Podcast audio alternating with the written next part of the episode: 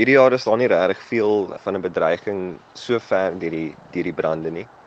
Almal is maar op hulle senuwees, maar daar's geen geen lewensbedreigende brande wat hierdie jaar hier uitgebreek het nie. Laas jaar Oktober se kant was daar vure by Santa Rosa en en Healdsburg gewees hierso in die area wat van die mees verskriklikste vure was wat wat Kalifornië nog gesien het.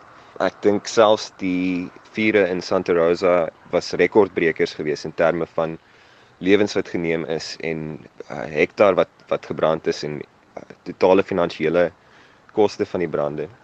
En destyds het hulle die uh, of hulle blameer nog steeds die elektrisiteitsmaatskappy PG&E en daar is hofsaake tans ook, maar Kalifornië is maar net so droog. Ek dink dit is maar net ek weet nie of of um, enigiemand regtig te blame is daarvoor nie. Die kleinste vonk veroorsaak een van die skrikwekkendste vure wat wat mense aan kan dink.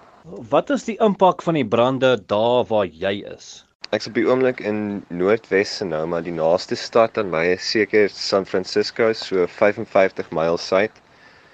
In my onmiddellike omgewing is daar nie regtig vreeslik brande nie. Hier en daar 'n klomp kleintjies wat baie vinnig onder beheer gebring word. Maar so 200 myl noordoos van my af is ehm um, daai vure by Chico Uh dis so entjie noord van van Sacramento. Daai rook, die enigste effek wat wat die brande eintlik op ons het is die rook wat van daar af deurwaai hierdie kant toe en ons het seker in die laaste 2 en 'n half weke nie 'n rookvrye dag gehad nie. Al die mense loop hierso met maskers voor hulle gesigte rond. Ja, baie duinsrig elke dag.